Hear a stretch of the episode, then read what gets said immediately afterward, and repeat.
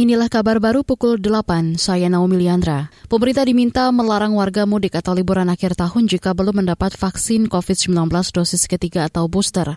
Anggota Komisi Kesehatan DPR Rahmat Handoyo mengatakan larangan itu untuk mengantisipasi ledakan kasus COVID-19.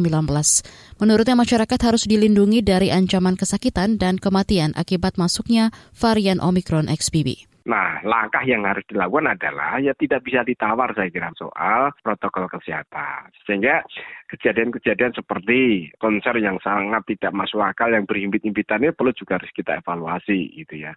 Termasuk kewajiban menegakkan eh, protokol kesehatan di ruang-ruang kantor, ruang-ruang tertutup, itu pun juga belum cukup. Tetap antisipasi untuk mencapai atau menuju puncak itu jangan sampai terjadi fatalitas rate-nya tinggi, kemudian membebani rumah sakit. Itu tadi anggota Komisi Kesehatan DPR Rahmat Handoyo.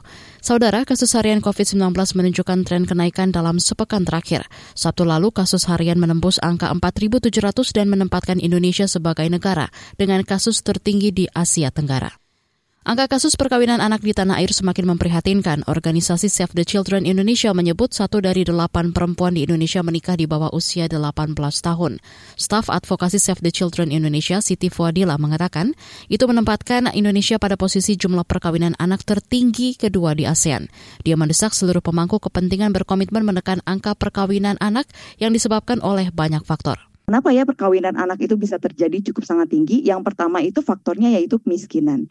E, keluarga gitu ya atau anak yang anak perempuan terutama gitu ketika dia e, berada di keluarga yang cukup miskin ataupun dalam ekonomi yang rendah dia semakin rentan untuk mengalami perkawinan anak gitu ya. Selain itu geografis. Maksudnya apa? banyak sekali praktik perkawinan anak ini banyak masih banyak terjadi di daerah-daerah yang pedesaan yang memang di situ akses misalnya akses ke sekolahnya tidak ada atau minim gitu. Staf Advokasi Save the Children Indonesia Siti Fuadila menambahkan ketidaksetaraan gender juga turut mendorong tingginya perkawinan anak.